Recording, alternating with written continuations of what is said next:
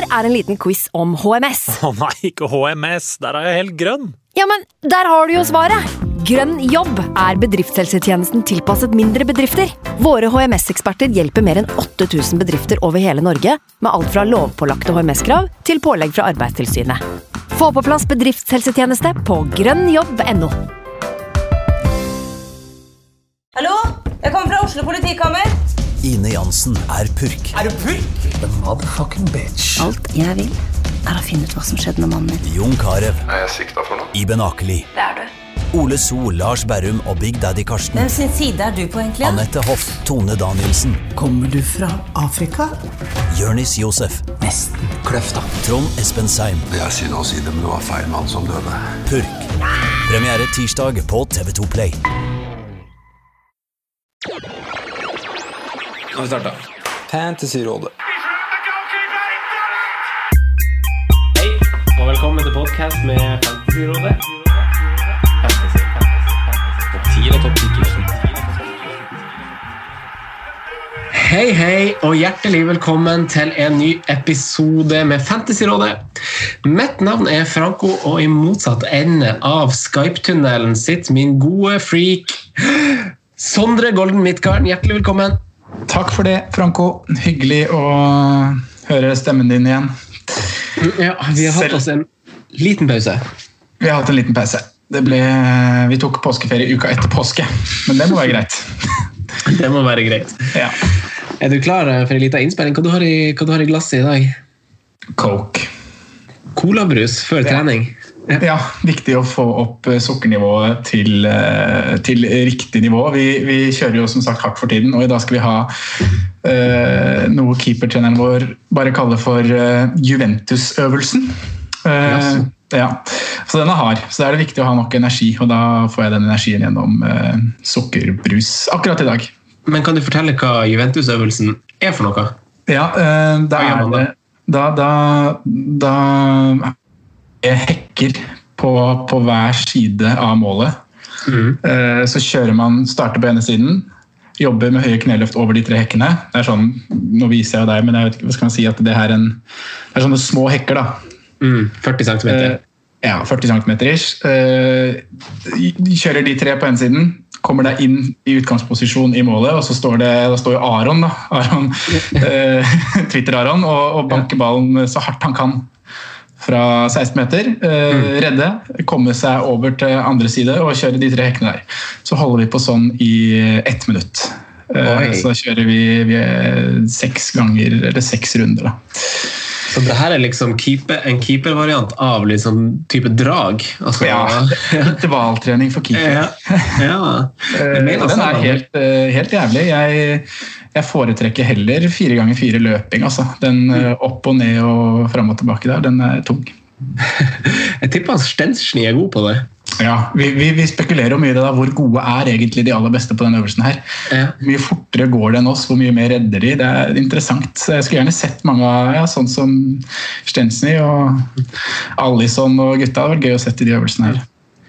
Keepere er jo litt sånn fascinerende greie. Altså, hva, altså, hvor, tror du det er større sprik fra eller jeg, jeg føler jo det, da. At det er større sprik fra en midtbane, sentral midtbanespiller i verdensklasse fra en sentral midtbane i, eh, i, i andredivisjon i Norge kontra, kontra en keeper eh, i andredivisjon og en keeper i verdenstoppen.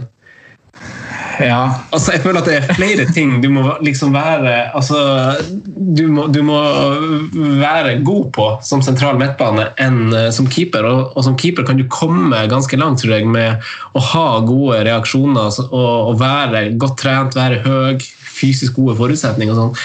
Ja, Hva tenker du om det? Og- Og ikke minst, du kan komme veldig langt med bare å ha skallen. Ja. Eh, For det er jo egentlig det som er det, det blir jo mer og mer snakka om, men det mest undersnakka i keeperspillet er jo det med selvtilliten og bare det å ha, ha hodet med seg. Da. Eh, Og mange kommer langt bare på det. Men eh, jeg er nok litt enig med deg.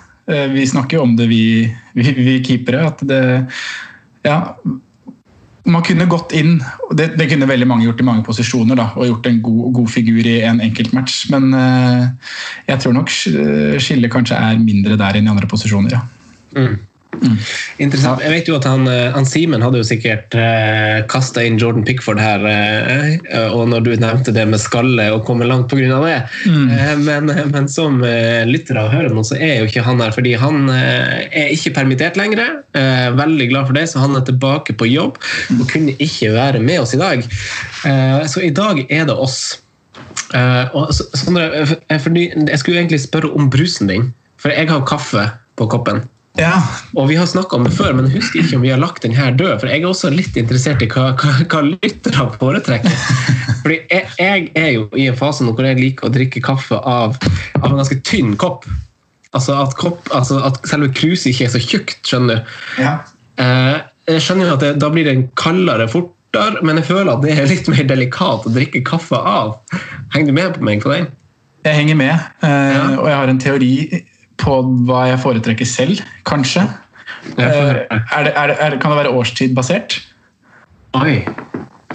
Tynn kopp, vår, sommer, høst. Eh, når vinteren kommer, så skal du over til den litt tjukkere varianten. Inn og kose seg under pleddet. Det kan være, i hvert fall.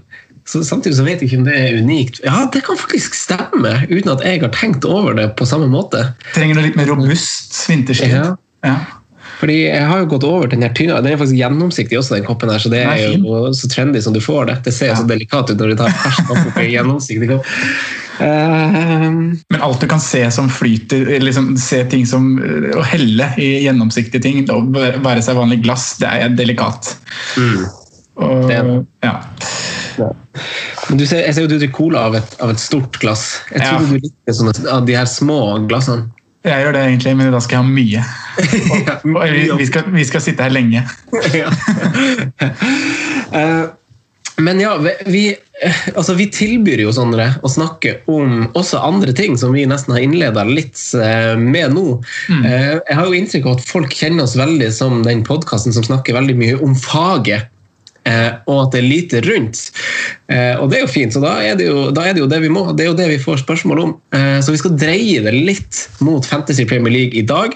Og så får vi se på det sånn at for hver uke som går, for hver innspilling vi har, så nærmer vi oss faktisk en ny Gameweek eh, som er der framme i horisonten en eller annen plass. Ja, en, game, en gameweek med kamper, tenker du på da? ja. ja. ja. Eh, Så vi har fått veldig gode spørsmål eh, både i dag og i går eh, av Magnus og FPL-nerd, som, som jo krever litt planlegging. og Det er jo en av årsakene til at vi prøver å være litt tidlig ute med de her postene. fordi at vi bruker jo vanligvis dagtid på mandag og kanskje kveldstid på søndag på å forberede podkastene fordi vi får ganske gode spørsmål som krever det. Eh, og akkurat de spørsmålene, det er sikkert flere eh, som, som, som jeg tenker vi kanskje må ta opp i episode neste uke, eh, hvor vi også kanskje skal lage et type Allstar-lag og et trolletype lag som også har blitt etterspurt. Men eh, jeg tenker at det er litt kult om vi klarer å dreie det litt over til FBL igjen nå, etter en, det som virker som en lang sommerferie eh, med alt mulig annet. Eh, og så får, tar vi selvfølgelig imot innspill fra lyttere om andre ting vi har lyst til å, til å høre på. Sant? Ja. Ja. Ja, det er der vi er nå. Ja, for jeg og du, Sander, vi skal tilbake på jobb i morgen. Eh, Ja. faktisk. Gleder du deg, eller? Du, jeg, jeg, eh, ja, både og. Eh, Det er litt sånn tilbake etter sommerferien. Eh, Jeg var jo på, på Vi skal bytte skole, eh, klassen jeg er i. Jeg har jo en veldig liten klasse, det er jo kun åtte elever, så vi skal få et større klasserom på naboskolen. Eh, Så var det sånn der rigga i gang og sånn litt forrige uke. da, Det var sånn der tilbake etter sommerferie-vibes. Eh, Så, det er litt spennende. Men, eh, og det blir veldig hyggelig å se Supergjengen igjen. Det gleder jeg meg veldig til. Eh, Men samtidig, det er litt tungt. Og du har lagt opp noen vaner da, over de siste ukene som eh, skal bli litt tungt å bryte ut av, selv om nå de, de, de siste eh, to, tre ukene nå har, for meg har vært relativt normale. Da. Jeg har jo hatt trening og sånne ting som har gjort at døgnrytmen har holdt seg normal. Mm. Så nei, det blir greit å komme tilbake. Så, ja. Nå er det en tredagersuke tre, tre denne uken her. Det er 1. mai på fredag, så vet jo alle hvordan vi har det i mai, vi lærere, og så vops, så var sommerferien der. Så vi får prøve å avslutte med stil, bare. Ja, Det er sjarmøretappen. Ja, det er jo det. Mm. Jeg skal også jeg skal være kontaktlærer for eh, en halv tredjeklasse. Uh, og jeg var faktisk tilbake forrige uka, som var da første uka etter uh, pappapermisjonen min. For det er jo sånn at enkelte elever som har foreldre som er i sånn samfunnskritiske yrker, trenger et sted å være. Så skolen har jo vært åpen for en del. Og da er det sånn at vi, vi som er lærere, da har rullert på hvem som, hvem som, tar ansvar på det oppholdsstedet. Og så møter elevene på skolen, og så får de opplegget sitt av sin lærer, som da er hjemme, og så skal de gjøre det opplegget de får. Og da jobber de jo spredt, vet du. Masse på nettbrett. Eh, så på ulike trinn så har vi på en måte ansvar for å følge opp hva, hva, de har gjort. Så det gjorde vi i forrige uke. da.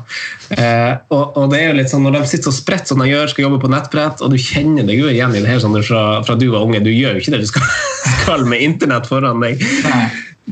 Jeg skal, skal, ikke tilbake til jeg var unge, jeg skal tilbake til jeg var ungdom. Ja, ja. Kanskje tilnærmet voksen ja. og student. Så de er veldig raske å sveipe bort eller trykke 'escape' eller hva det måtte være for å, når de ser eller hører vi kommer. Og vi skjønner jo det, ikke sant? Men, men jeg, klar, jeg klarte å buste en, en tredjeklassing. Eh, og, og, Hvis du lurer på hva en tredjeklassing googler, så tenkte jeg du skulle få svare nå. for, det, for, for det her var fanene han hadde oppe på, på For han satt på en PC. Verdens største hus, verdens største slott, verdens største hage og verdens største verden. ja, Den siste der er fin. Så det her var den gode sorten. Men jeg, jeg tenker at det er jo ganske, det er jo ganske mange unger som åpenbart eh, gjør ting de ikke lov til, og som de garantert ikke får lov til hjemme. og Det får meg liksom til å tenke på alle foreldre som, som jeg så sykt skulle ønske kunne være flua på veggen og kunne se hvor drittunge ungene deres kan være. For de tror det ikke. Nei, bildet de har, er ofte noe helt annet. Ja.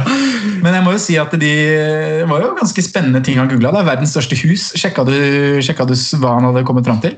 Han så jo bare på bilder, da. Han ja. googla bilder og så på verdens største hus, og, ja. og sånt, så han leste jo ikke teksten. Så, jeg tror bare han var ute etter eh, å stimulere det visuelle. Og, og, ja. så, så, se et kult hus, og så, så, kunne han fortelle det i friminuttet at han hadde sett verdens største hus.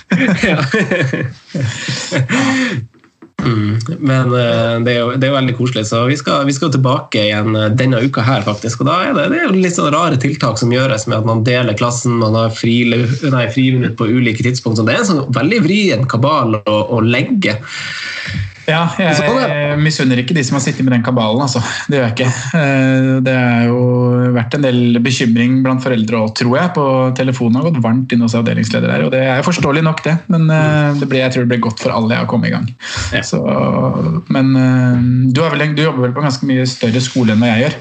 Så sånn sett er vel en ganske mye større kabal hos dere. Ja, det er sant. fordi det åpner bare én til fire. Ja, eh, de lærerne som da er på, på fem til sju eh, mm. på den barneskolen, de, de, kan jo på en måte ikke steppe inn og ta For alle klassene deles i to, ja. og det er tre klasser. Så da blir det seks klasser per trinn. da. Ikke sant. Og så er det jo utfordring å få en lærer på, hvert, på, hver, på hver klasse. Og man kan ikke bruke lærerne fra fem til sju, for de skal jo ha hjemmeundervisning med sine fortsatt. Mm. Eh, så, så, det er jo bare å vente på på at man får litt klagemail med, med foreldre som er misfornøyd med at uh, ungen deres ikke kommer på den gruppa. Der, ja, det, kommer. det, det, er foreldrene som er problemet, det er ikke barna. som har sagt det. Men du, vi har hatt en sommerferie. Hva har, du, hva har du brukt tida di på? Har du, har, du, har du, lært noe nytt? Har du gjort noe, gjort noe kult? Uh, nei, som jeg, som jeg, sa, så er det jo Det har vært relativt normalt her nå de siste ukene da, med, med hjemmeundervisning og og, og trening. Eh, sosiale samlinger og nærkontakt har selvfølgelig ikke vært på det normale, men eh, jeg har eh, fått fylt dagene. og Trening på solfylte Kadettangen har vært vakkert. Det har jo nesten vært sånn festivalstemning der forrige uke. Uh, yldrende sommerliv og ungdommer som sprada rundt. Uh, veldig mange som går rundt med sånn svær høyttaler.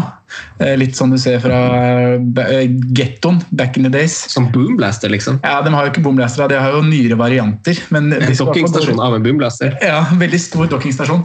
Eh, Så det spilles jo eh, musikk høyt. og nei, det, var, det, var veldig, det var veldig godt å se, da. Eh, Selv om det brytes jo en del eh, retningslinjer. Men eh, det er jo et tegn på at eh, vi er tilbake til, på vei tilbake til noe som er normalt. Eh, Hvordan ser de ut? Hva da? Hvordan ser de ut, dem som, de boomblasterne?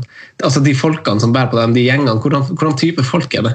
Det er jo Alder syns jeg er veldig vanskelig å, å, å sette. Eh, For det er, det er jo typ sånn fra ungdomsskole til videregående. Eh, Men kunne også gjette 25. Ja, og sånn er det i hvert fall på jenter. Ja. altså, jeg ser ikke forskjellen på ei 12 år gammel jente og ei 30 år gammel jente. Det er dødsskummelt. den, den er farlig. Eh, nei, så det er, jo, det er jo de variantene der, da. Eh, ja. Men jeg har jo prøvd å bruke fridager og helger godt. da. Eh, så det har blitt utallige timer med, med FM, og så har jeg prøvd å nytte sola. Eh, jeg føler jo Jeg har brukt mye tid på podkaster. Det er jo vært litt sånn uh, podkastenes tid. Hva er hva du har hørt på. Kanskje litt. Ja, jeg hører jo på veldig mye forskjellig, eh, egentlig. Eh, men jeg har jo noen favoritter som kanskje ikke er eh, eh, I og med at vi er en fotballpodkast, så vet jeg ikke hvor mange av våre lyttere som hører på Lotion og Smestad. Men det er jo min uh, åpenbare favorittpodkast. Uh, Oral B, eh, Anders Smestad og Mr. Pimp Lotion, som, eh, som prater om alt og ingenting. Og eh, ja, det er jo, det er jo en uh, podkast med fokus på musikk, da. Norsk eller hiphop. Eh, Men de har noen sinnssykt kule episoder hvis noen har lyst til å sjekke ut det som kom for sånn fem-seks år siden. hvor De gjorde en del sånne dybdeintervjuer med, med norske artister. Og en av episodene jeg virkelig vil anbefale, er en episode med Christer Falk. For de som har vært litt sånn into Robinson-ekspedisjonen. Eh, Det er så mye sjuke historier som eh, kommer fra den mannen der. eh, fra tiden han var programleder og ikke minst deltaker i Robinson-ekspedisjonen eh, sesong én. Men som fotballmessig da, så, så er jeg veldig glad i Jeg syns Eurosport har laget mye bra i den perioden. her, Indre bane og ikke minst Spillerådet, hvor det er veldig kult å høre på hvordan hvordan det meldes litt uh, ærlig og direkte fra ulike eliteseriespillere om situasjonen de er i. Da, Med med permittering og ja, hvordan det drives rundt om i ulike klubbene. Eh, så jeg har hørt, uh, hørt mye på Indre bane og har noen fine, fine episoder med bl.a. Inge André Olsen. Ja. Som også er ganske en del kule historier fra fra det som skjer litt bak i kulissen, da, i overgangsmarkedet og sånne ting, som har vært artig å høre på. Så, Det er kult. Ja. Så hørte jeg en kul episode til morgen i dag, faktisk. Eh, Støvelball. Jeg vet ikke om du har eh, Jo. hørt på de? Serie A. Ja. Serie A. Dyktige gutter. Veldig flinke gutter. Jeg er jo glad i Serie A, men jeg har jo ikke langt nær så mye kunnskap som de gutta har. Og eh, de har også laget noen sånne spesialepisoder nå da, i korona, koronatiden. Eh, Og den jeg hørte nå, var jo Mario Balotelli. Og det er jo vakkert, morsomt, sinnssykt. Så For de, har løst det der veldig, de har løst det der veldig bra, syns jeg. For de har, hatt, de har en episode om Pirlo sitt liv og så videre. Og Parma. Sånne, Parma. sånne ting man, ja, det er veldig, veldig kule temaepisoder. Så det, det, det tipset skal jeg faktisk følge opp, for de episodene har jeg ikke hørt selv. Jeg har hørt, hørt det litt underveis i sesongen eh, i høst, faktisk. på Støvelpart. Ja, og de hadde veldig kul det, kan man, det er jo fortsatt egentlig hørbart, det da, men hvor de hadde sesongtips, eller tippetips før sesongen. Og gikk gjennom hvert lag i serien, hvis man har lyst til å bli litt bedre kjent med klubbene. Så var det også veldig kule episoder. Så ja. Det ble sånn podkast-tips det der nå. Ja, ja. Hyggelig. Ja, Vi hører jo på podkast, vi òg. Og for de som elsker norsk hiphop, for å bare legge en til inn der, så er det Kaffeslabberas med Marve. Den må, må sjekkes ut. Det er uh, veldig, veldig kul uh, podkast. Du da, du da, Franco? Dagene dine? Nei, jeg har vært masse ute. Eh, veldig masse ute. Jeg prøver å klemme ut noen, eh, noen joggeturer. Jeg prøver å høre på litt eh, musikk. Jeg har vært og fiska. eh, faktisk. Med, med gutta på et vann eh, utafor Lørenskog eh, som akkurat har åpna for fiske. Ok. Så der er det bare ørret å få. Jeg skal ikke name-droppe navnet på, på, på det vannet. For det, er jo, det må jo være hemmelig. Der er det fortsatt liksom som bar, altså det Sammenlignet med Øyungen, da, som er så utpult eh, skog, Ja. så, kommer du, så kommer du til det vannet her hvor det fortsatt er bark på trærne, det er ikke noe tråkka sti. Det, det, det, det var ganske stilig, altså. Hvem av dere var det som eh, Eller hvordan kom du over det vannet her? Eh, Det, jeg tror du kan gjette hvordan person som, eh, som gjorde eh, ja, ja, det, Nei, ja, kanskje ikke. Nei, det, det, det er en av mine venner som, Ja. som visste av det, som er spesielt interessert. Eller jeg har vel to-tre stykker som er gode på det. Men eh, ellers så lyste jeg jo ut en, en, en sånn serietips-tweet eh, hvor, hvor jeg utlyste tips til å se en serie på egen hånd. Og om det da hovedsakelig var noe bra krim eller en sånn feel good-type serie som jeg kan se alene. Eh, for, for, for jeg og Tone, eller min samboer, ser jo på litt serie i lag. Og det jeg har lært, er jo at et privilegium man har som barnløs, er jo tid. Og om du er den personen som er vant til å liksom hamre gjennom fire-fem episoder når du først ser på en serie, liksom, nå skal vi kose oss, og så kliner man til og ser hele sesong én av Prison Break, eller leser ni-ti kapitler i bok når du først skal lese, så er det en ganske stor omveltning når du får barn, for sånn er det jo ikke. Nei, det, så, så vi må nesten liksom fordele og se én til to serier om gangen. Så vi må nesten, Ja. så vi må nesten Og så må vi da se én episode om gangen. Så det, det som er, er jo at vi er jo litt bakpå når det gjelder popkultur. Så nå har vi sett Exit. Og, det, og, det, og i første sesongen, i første halvdel av den sesongen så intervjues jo eh, hver og en av de hovedpersonene. Og så, og så beit jeg merke, med, jeg merke i eh, den ene ting som han Henrik sa, som jeg har, jeg har tenkt litt på.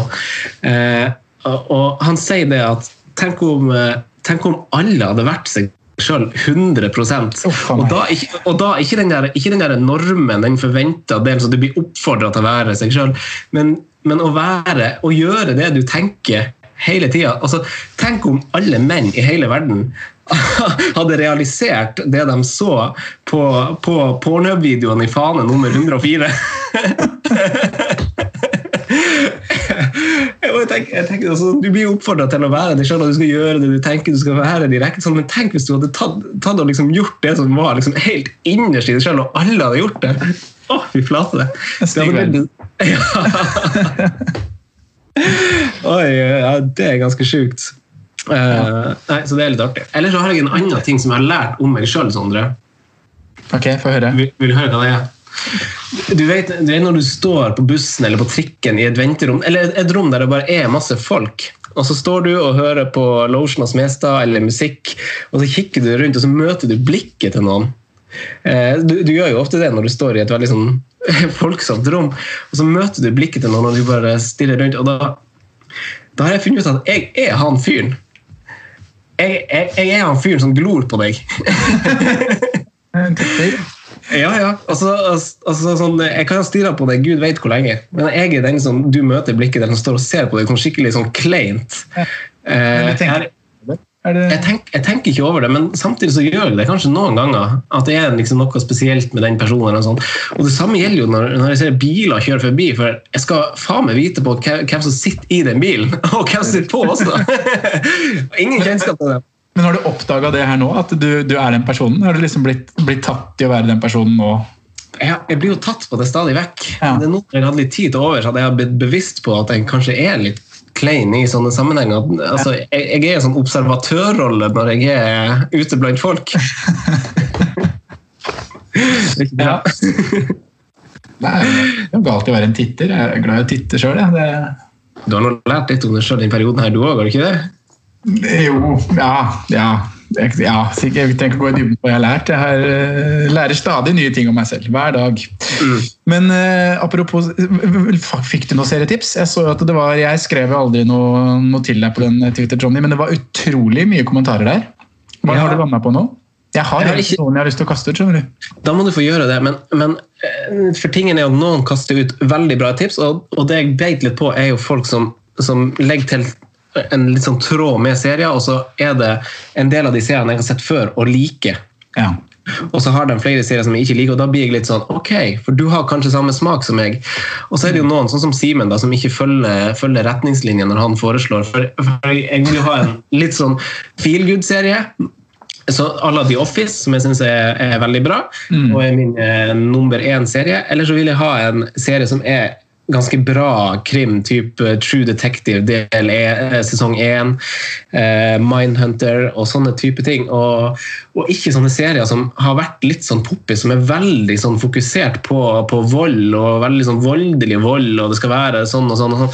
Det syns jeg bare blir Det blir too much. Ja. det, det gidder jeg ikke. Nei, jeg skjønner.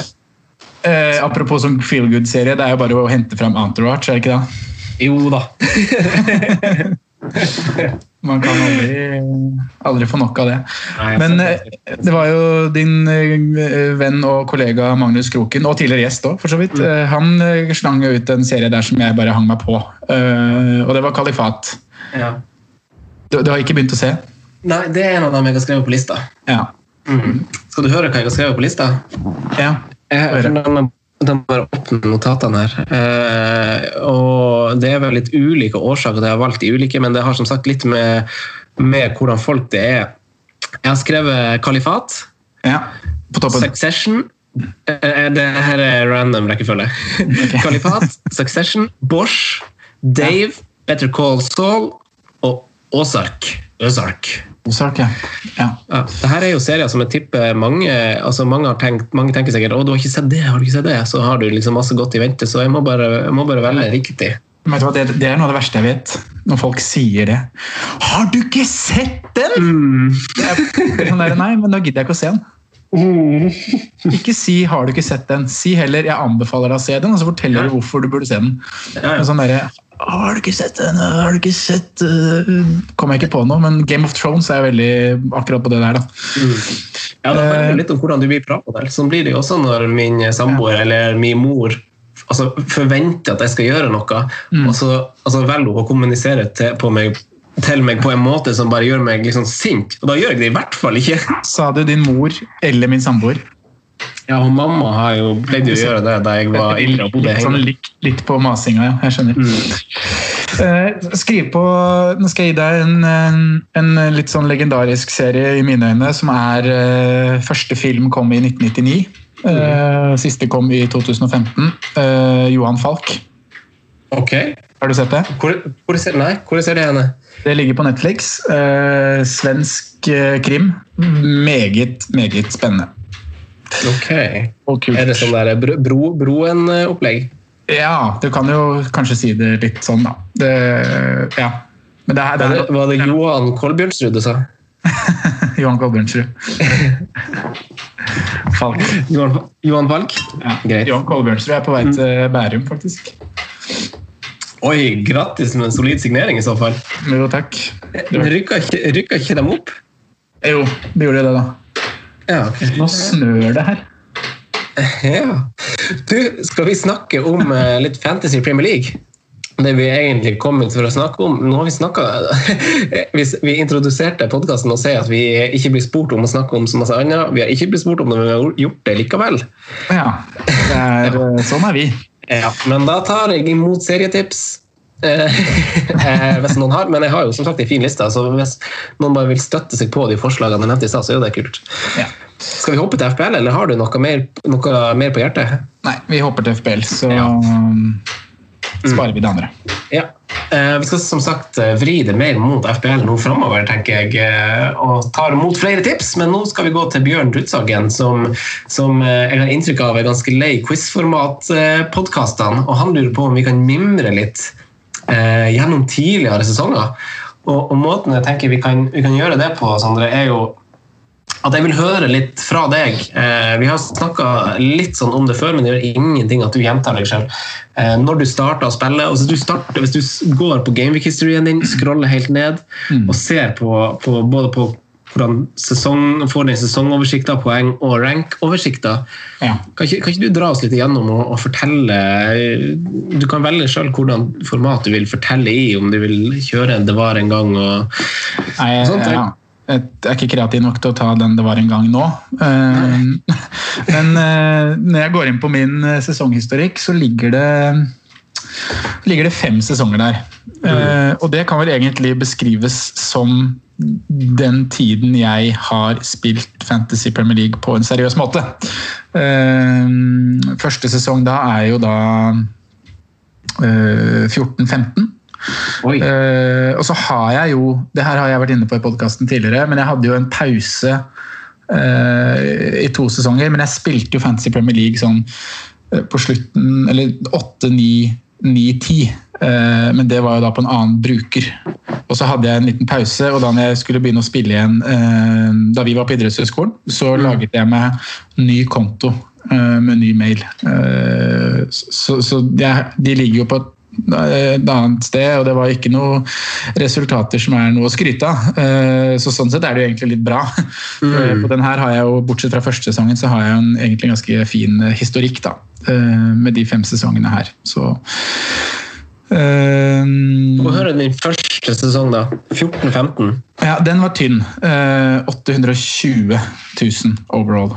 Eh, Så der, den tror jeg var litt sånn at jeg var eh, med ordentlig i, i, i starten, og så datt jeg av utover når det ikke gikk så bra. Så Det var egentlig litt som vanlig det var i, var i en del år. da. Men eh, 15-16, det er jo det er Leicester-sesongen, er det ikke det? Eh, Det er en sterk sesong. Da er jeg på, på 6500. Eh, og så har jeg en 16-17 hvor jeg er på 92 000. 17-18 33 000. 18-19 2700. Så det har jo vært da innafor 100 000 de siste, siste fire. Og ja, den ene på 92 og den ene på 33 er jo helt, helt ok plasseringer. Så er det to innenfor 10 000, da. Ja. Eh, Veldig fin track record, egentlig. Er det ikke det? Jo, Fornøyd med eh, den? jo, jeg er fornøyd med den. Skulle gjerne hatt eh, 92 000, skulle gjerne vært innafor 50 på den. da. Eh, Men det er jo de tre siste åra der som er fantasy Nei, to siste åra vel som er Fantasyrådet. Vi er jo vår tredje sesong, stemmer vel. Ja. Så Nei, det, så det var liksom Det var vel 15-16 jeg egentlig starta sånn for fullt, fullt. Og det er jo i det tidsrommet hvor vi fant hverandre på på Norges idrettshøgskole. Uh, om jeg ikke var nerd før den tiden, så ble jeg i hvert fall nerd uh, i løpet av de to åra der. Eh, og ja, så det, det er da man kan si at uh, spillinga starta seriøst, da. Mm. Mm. Da, riktig. Eh, så jeg har ikke regna ut sånn gjennomsnitt, uh, gjennomsnitt-rank her, det har jeg ikke. Men det, Mm. Det har ikke jeg heller. Men jeg tror jo jeg, tror jo jeg også, som, som deg Jeg har jo jeg skulle ønske jeg hadde gjort det samme som deg, at jeg registrerte en ny bruker, men det har jeg ikke gjort. Eh, men jeg, jeg tror jeg og du har, og han Simen for den saks skyld, har noen likhetstrekk eh, egentlig med, med hvorfor vi spiller. Og jeg er jo ingen, ingen gambler, så jeg er først og fremst ikke en fantasyspiller, egentlig. Eh, jeg er jo en eh, Premier League-elsker, egentlig. Og jeg har spilt eh, Fantasy Premier League siden 2010-2011-sesongen, og det husker jeg ikke at jeg har gjort. Og, og en av grunnene til at jeg i dag sitter og snakker om det i podkast, er jo fordi at jeg følger Premier League såpass tett, egentlig, eh, at jeg alltid føler meg trygg når jeg skal, skal i studio. For at uh, dere kan på en måte ikke sette meg ut i studio, for i det som har skjedd i helga, det vet jeg. Uh, så, og sånn har det på en måte vært siden 2010-2011, selv om kanskje ikke fantasy-ranken viser det, så har jeg alltid sett veldig masse på, på Premier League. Så det er jo bare et spill som tilfredsstiller min interesse veldig bra for, uh, for Premier League. Så hvis vi ser på min første sesong så havna jeg vel nesten på to millioner, tror jeg. Da er vi tilbake til 10-11, har du sagt? Ja, 10-11. Ja. Og og sesongen etter så er jeg jo på 200 000. Men da er, jeg, da er jeg også like sikker som på sesongen før det at jeg ikke har rørt laget mitt etter august. Ikke sant? Eh, og så Jeg tror det var sånn fram til eh, til og med 12-13, så de tre første sesongene. Og så starter jeg i ny jobb eh, 2013 eh, på den skolen jeg egentlig jobber i dag. Mm. og da der var, det, der var jo det her eh, en snakkis på, på lunsjen allerede i 2013. Og jeg som Arsenal-fan hadde jo da, husker jeg, retningslinjer med hvordan jeg skulle spille det spillet. Og det var jo hovedsakelig at jeg skulle ha tre Arsenal-spillere til enhver tid, uavhengig av form. Eh, så jeg, jeg kan ikke annet enn å mimre tilbake og huske eh, veldig masse Podolsky i laget. Ja. Lukas Podolsky. eh, det er liksom det jeg husker. Og så var det vel på, på, på idrettshøyskolen at jeg begynte å skulle At det gikk litt bedre at det var en sesong som gikk litt bedre. Og da tenkte jeg at for at dette skal fortsette å gå bra, så må jeg eh, legge litt til side de dumme retningslinjene jeg har, for jeg tror det er litt artigere å gjøre det bra, rett og slett. Mm. Og jeg husker ikke om For det var et par sesonger hvor hvor, eh, altså det er jo alltid noen billigfolk som gjør det bra. I år har vi jo eh, de vi har, og, og som du sier, så den Leicester-sesongen hadde vi Leicester-gutta, men så var det også en periode hvor Harry Kane kosta 5 eller 5,5 sesongen hvor han liksom slo gjennom. Ja. Og sammen med Gareth Bale sto som forsvarsspiller en sesong og spilte etter hvert på kanten i Tottenham. Uh, og Fabregas og Ramsey og sånn har hatt ulike sesonger, så det er enkeltspillere som jeg husker, husker veldig godt, som, som, som har gjort det, gjort det bra. Mm. Uh, men jeg, tror, jeg, tror, vi ble liksom Jeg tror jeg ble det før deg, en, en heltidsspiller. Om man kan kalle det det. Ja. Mm. Det gjorde du nok. Og Det handler litt om å stimulere interesse, men også den sosiale biten av det, som var en stor bit på arbeidsplassen, og også senere tid for oss på, i studiet. Og det tror jeg jo det er for veldig mange den dag i dag òg. Ja, jeg tror det er veldig mange arbeidsplasser som Eller det er litt sånn at man må, må spille rett og slett for å ha noe å prate om i lunsjen. Det er, sånn, det, er det, det, er det samtalen går i. da, Hvordan gikk mm. runden i helga? Ja. Mm. Men du da, altså, Den sesongen her har vært litt, vært litt merkelig for deg. Mm. Eh, og egentlig også for meg, eh, og kanskje for mange andre også, at man kanskje ikke er helt der de skal være. Jeg vet at vi er på skuddhold Sondre, egentlig, hvis sesongen hadde blitt avslutta på vanlig vis.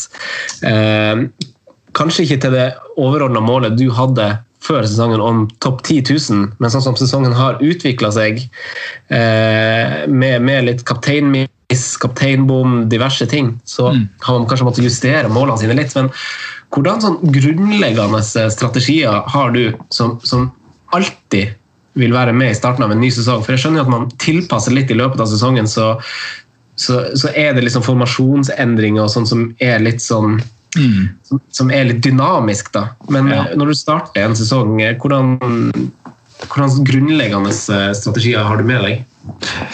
Jeg har nok En av de grunnene kan kalle en grunnleggende strategi, og det, det, nok eller det er nok at jeg alltid vil være veldig opptatt av, av research. Mm.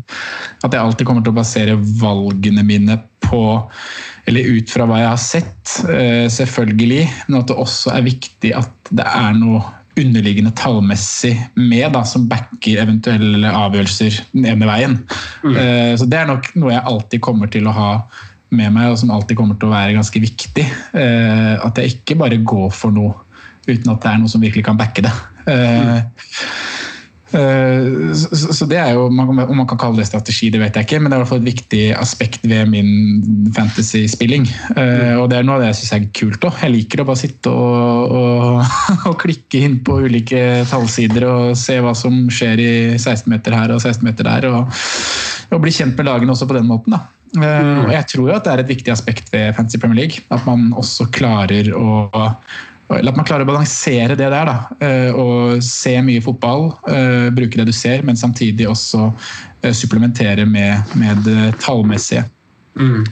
Og jeg har jo hatt en del uh, suksess med det. Jeg har truffet bra på det. At man har sett spillet. Ja, han ser bra ut, liksom. Det, det, skjer noe her. Hvordan ligger tallene? Jo, ok, han skyter mye i boks. Ok, det kommer nok kanskje til å løsne. Vi går for det. Og så har det truffet. Uh, og det er jo Jeg så nerd, fancy nerd spurte liksom sånn det psykologiske aspektet ved det. Mm. Premier League, den, den, følelsen man får når man treffer på de tingene der, er jo helt enorm. Uh, mm. Det kan jo redde en, redde en helg. Mm. så, så det å treffe på liksom ting man har gjort god research på sjøl, og som er et sånn egenhendig valg, det, det, er godt. Har du noen uh, eksempel? På, på, spillere det er, liksom, bare, første som detter ned i hodet mitt, er Raúl Jiminez i år. Mm.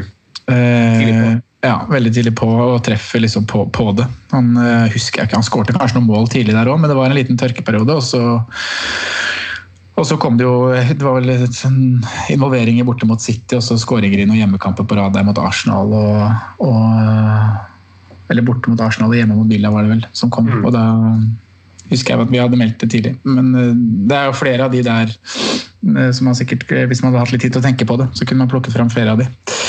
Eh, Men sånn rent strategisk i laget, en annen ting jeg, eh, jeg nok alltid kommer til å være opptatt av, er eh, balansert lag. eh, Sånn middelmessig, penge, pengemessig. Og da særlig fra start, da, hver nye sesong. At man har fordelt pengene godt i de ulike leddene. Eh, man har en dyr, man har en middels, man har en litt billigere. eh, egentlig i alle ledd, som da gjør det enkelt å manøvrere. Uh, om det skulle skje noe uforutsett, da. Eller at det skulle være en kanon som lett kan hoppe til en annen kanon. Og det var jo litt av grunnen. I år var jo det en litt sånn poppis ting å gjøre. Å gå med tre mellomsjiktspisser, f.eks. Mm. men det var aldri aktuelt å gjøre her, fordi erfaringsmessig så har jeg uh, jeg har hatt god erfaring med da, å ha en som koster rundt 10 millioner. Som du enkelt kan komme deg på Harry Kane til 12, f.eks. Hvis han skulle være on fire fra start. Så den balansen pengemessig òg er nok noe jeg alltid kommer til å starte med. Og så er det som du sier, at du vil jo finne nå når vi avslutter sesongen, så er det jo kanskje tre middelklassespisser som er riktig vei å gå. da, Si Jiminez, Abraham og eh, Dominic Calvert-Lewin. Ja. eh, og da har du alle de som koster mellom seks og, seks og sju et sted. Eh, men fra start så er på en måte ikke det det jeg går for. Eh, ja. Skal jeg fortsette, for jeg har skrevet ned noen, eh, noen flere Ja, ting? ja, jeg vil gjerne høre. Det er jo, det er jo god info fra en som har gjort eh, fire gode sesonger. Eh, det, det man kan gå over på da, er jo det med risk-taking. da. Sjans, ta sjanser. For der er jeg nok Du sa at vi, vi er nok like på mange områder, vi tre.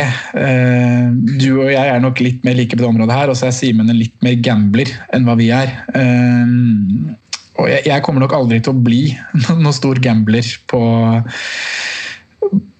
på det området, og spesielt da når det kommer til kapteinsvalg og spillere som er mye eid, og sånn, så er jeg veldig restriktiv og egentlig ganske kjedelig. Eh, Men jeg tror jo Eller det har tidligere lønt seg. Nå har jeg bomma mye på kaptein i år, husker ikke antallet, men vi oppsummerte jo sesongen litt her nå for noen uker siden. og da, Det var jo en voldsom eh, voldsomt antall runder jeg hadde bomma på kaptein. Så jeg må nok se litt, eh, litt mer i dybden på akkurat det, hvordan, hvorfor det har vært så voldsomt i år. Eh, Men jeg kommer nok alltid til å ha det kapteinsaspektet er utrolig viktig for meg. Jeg- baserer jo innkjøp av Top Dogs på hvem som skal kapteines. Lager meg en strategi eller en plan, da, fire til seks runder. Hvilke spillere skal kapteines når. Og så, og så bygges jo laget mye rundt de spillerne. Eh, Og det er nok også en, eh, noe jeg alltid kommer til å Eller noe som jeg kommer til å fortsette med, da. Eh, For det har jeg også hatt Jeg har hatt sånn halvveis god suksess med det. da. Droppe, droppe spiller som Sala for eksempel, i de rundene jeg vet at han kommer ikke til å være kaptein der uansett. Eh, At man da bruker midlene andre steder. Og så kan man heller ha en plan på å få de inn igjen i det øyeblikket hvor fiction snur og han er en kaptein. Så ja. Også et viktig, en viktig grunnleggende strategi. Og så kommer jeg alltid det er, det aldri for sent å snu. Nei. Grunnleggende prinsippet jeg alltid kommer til å ha med, det er ikke flaut å ha tatt feil. Holdt jeg på å si. Eh, man, eh, og hvis du skal være sta på ting her, så kommer du ikke til å gjøre det bra. Nei. Det er faktisk et godt poeng. Det var helt sant. Helt sant. Du er aldri for sent på festen. Det er ikke det. Nachspiel er best. Ja. Jeg er litt sånn Jeg, jeg, jeg, jeg er jo veldig glad i jeg er jo, Du vet jo at jeg er litt sånn solospiller. Holder kortene ganske tett til brystet. Eh, lyg gjerne om så. Uh, men uh, men altså det, jeg har mange, mange deler ved, ved fantasy som er artig, og en ting jeg har, har opplevd at jeg egentlig er mer opptatt av enn hva det jeg i utgangspunktet har, har bestemt meg for, er, er at jeg ser ganske masse på kampprogram, egentlig. Ja. Eh, Enten fordi at et godt lag møter dårlige lag, men også kanskje det kan snu en trend for et litt svakere lag. da. Og Det føler jeg også jeg har hatt uh, greie erfaringer med. Uh, det er jo så klart noe man kan bomme på, hvis man hopper, men der er det det sunn fornuft-aspektet spiller inn. da. At Du må være litt sånn, du kan ikke sette på en spiller som har en fin kamprekke, selv om altså På tross av at han ikke er i form. Det går på en måte ikke. Nei. Hvis laget ser helt hodeløst dust ut. altså Ta, ta Norwich for eksempel nå. Jeg tror jeg skulle ha sett eh, Og de har kanskje visst antydning til en litt bedre trend før eh, koronaen kom nå. Så kunne jeg gjort at jeg hadde frista, men hadde de hatt den samme formen som de hadde, som Aston Villa har hatt i deler av sesongen som gikk nå, så gjør jeg ikke det, på, selv om det er et godt program. Men det er en av de delene av spillet jeg syns er artig. det er å finne de billige forsvarerne faktisk som rullerer fint i lag med de to, to stykkene som du kanskje har som er klink. altså I denne sesongen da Trent og så kanskje Robertsen da, kanskje gjør dobbel, eh, og så rullert på den tredje. Der, den jobben synes jeg er artig å gjøre, å finne de som rullerer godt med hverandre, og så skal du plutselig begynne å sjonglere inn at han har dobbel på det tidspunktet, så du vil bytte han på nå istedenfor å bruke et bytte på det etter hvert.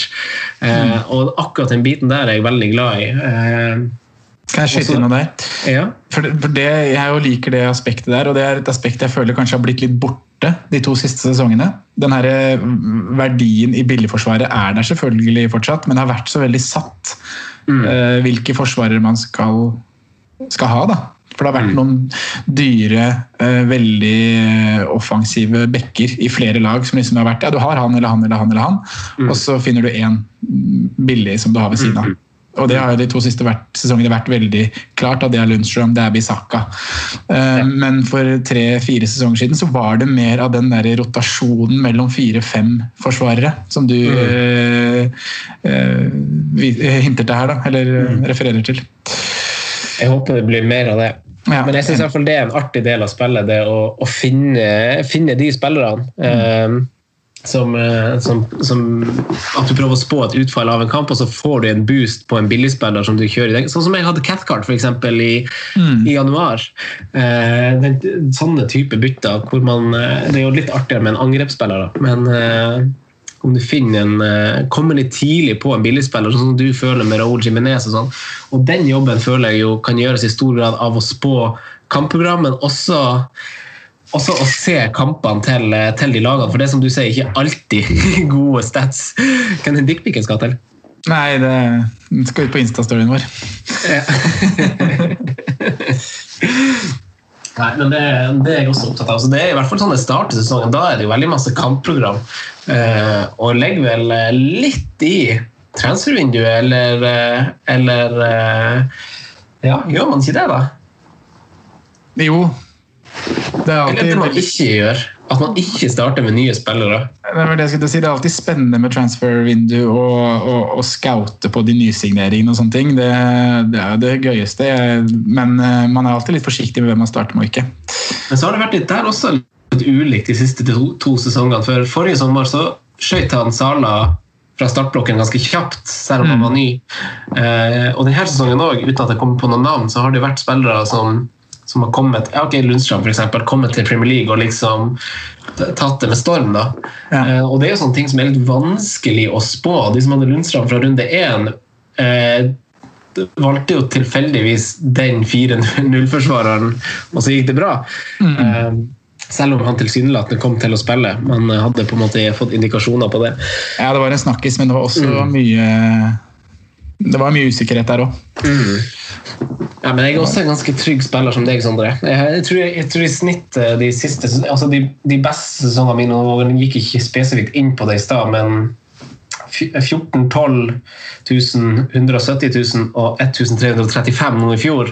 Jeg tror i snitt jeg har tatt fire til fem hits per sesong. Jeg. Ja. Eh, og jeg er jo nøye med planlegginga. Og, og så har jeg egentlig hatt nesten som en liten sånn regel at jeg ikke tar hits bakover i banen. fordi at altså Jeg tar ikke hits for en forsvarsspiller, da spiller jeg omsom med ti mann.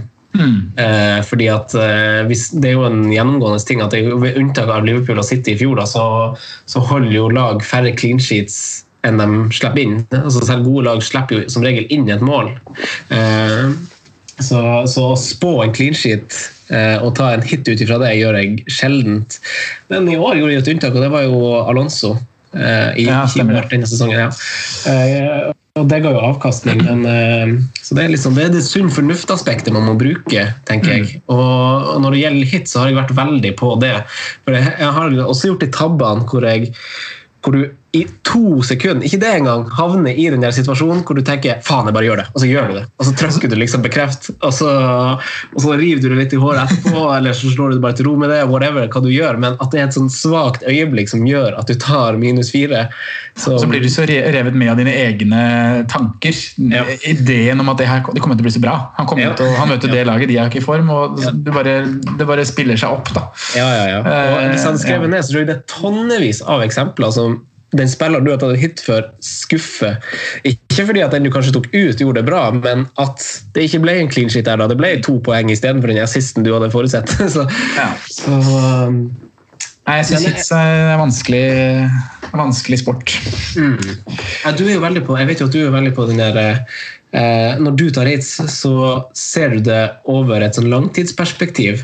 Du ser ikke på en sånn korttidsavkastning. Men når du tar et hit, så ser du for deg at det her er en spiller som skal spille eh, og få poeng for deg i løpet av de tre-fire neste rundene. i hvert fall da. At Ja. det kanskje ikke lønner seg der og da, men at du gjør en ny vurdering på hvordan det har gått etter den perioden du har sett at han skal gjøre opp for de minus fire. da. Ja. Med mindre det er snakk om røde, rød kort og skader og sånne ting. Da, da blir man jo litt mer tvunget til å gjøre det. Men eh, ja, det er som du sier der.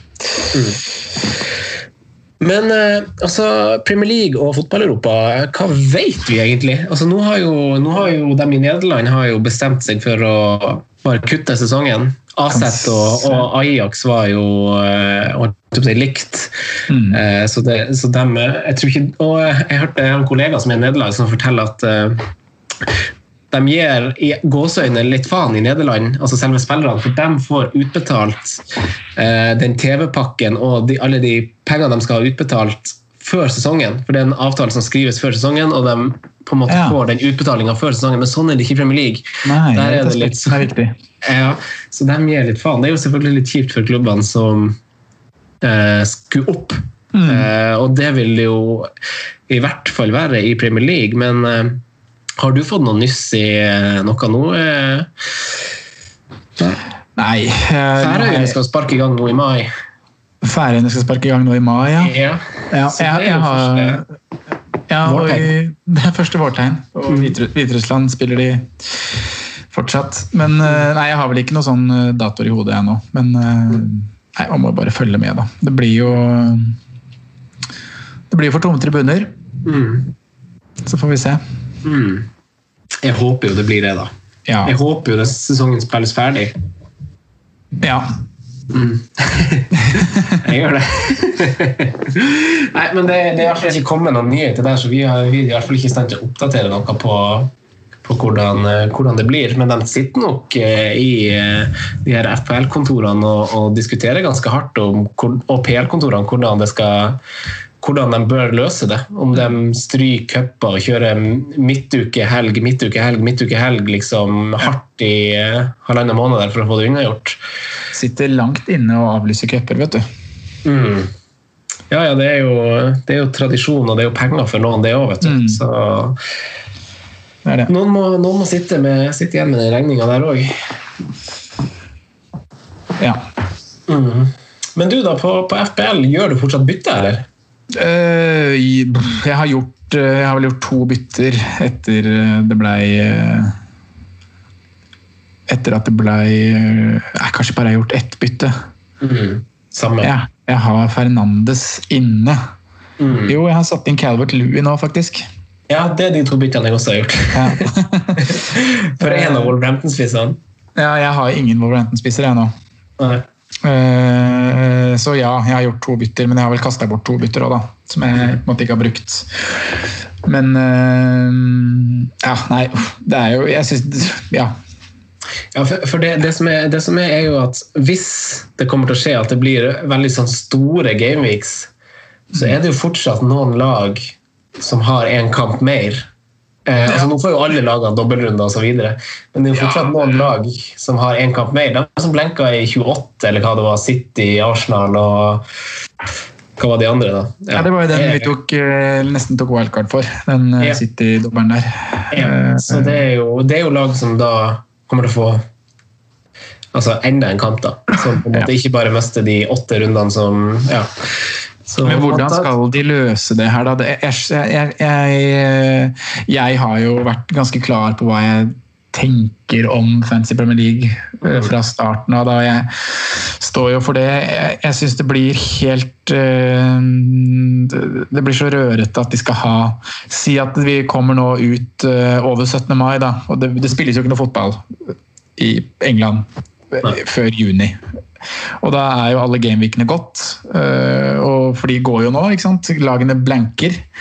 Og da skal de plassere da alle disse kampene i Gameweek 38 og gi oss ett bytte, og så kjøre en helvetes øh, runde i Gaming 38.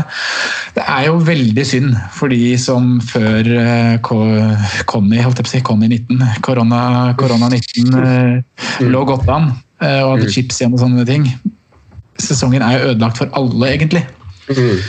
Så Men det kommer jo til å gå ned i historiebøkene som koronasesongen. Så Mm. alle kommer jo på en måte til å huske det som om det var noe spesielt. Men Ja. samtidig så kommer jo sikkert dem som sitter på en god sluttplassering til å hovere en gang i framtida, tre-fire år fram i tid, liksom, Ja. og, og skilte med en historikk der som, eh, som ja, er veldig det, bra. det må bare slettes fra historikken. Der må bare Fancy Premier League ta ansvar og bare, bare eh, slette hele sesongen. Er det, er, er det Babycall som roper? Det, det er babycall. Det er fint, fint tid å avslutte på, egentlig, så sparer vi de neste FPL-spørsmålene til neste gang. Ja, Ja, Kan vi ikke gjøre det, da? vi kan gjøre det. Da har vi rundt 50 gode minutter, får være fint. Ja. Veldig koselig å prate med deg, Sondre. Likeså, Franco. Takk for at lyttere hører på. Så kommer vi tilbake med mer FPL-content om litt. Snakke om chips, og vi skal snakke om uh, musts i løpet av sesongen. Uh, på innspurten av sesongen. Vi har fått, en del gode spørsmål som vi bare forskyver til, uh, til neste uke. Ja, Da har vi forhåpentligvis Simen med oss, og så kommer vi til å kjøre sikkert en Kahoot med premie til, til vinner på Patrion, som vi gjorde nå forrige gang. Han fikk, eller får, en veldig kul kopp til ned i posten. Stille. Uh, ja, takk for i dag. Hils Weigel. Det, det skal jeg gjøre. Kose på trening. Takk for det. Ha det godt. Ha det bra. Takk for at du hørte på vår podkast. Vi setter stor pris på om du følger oss på Twitter, Instagram og Facebook. Vi er fans i rådet på alle mulige plattformer.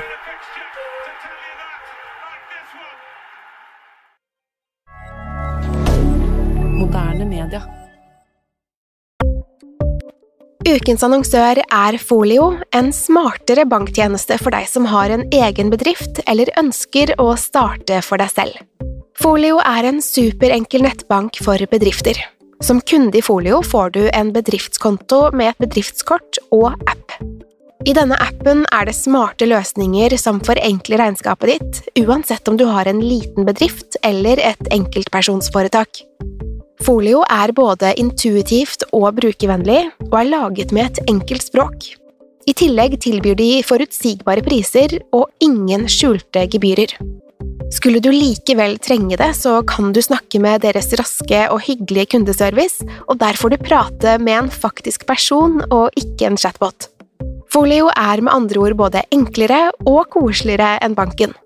Over 10 000 bedrifter har allerede valgt Folio som sin banktjeneste, så besøk folio.no og se hvordan Folio kan forenkle din hverdag også. Har du et enkeltpersonforetak eller en liten bedrift? Da er du sikkert lei av å høre meg snakke om hvor enkelt det er med kvitteringer og bilag i fiken, så vi eh, gir oss her, vi. Fordi vi liker enkelt. Fiken superenkelt regnskap.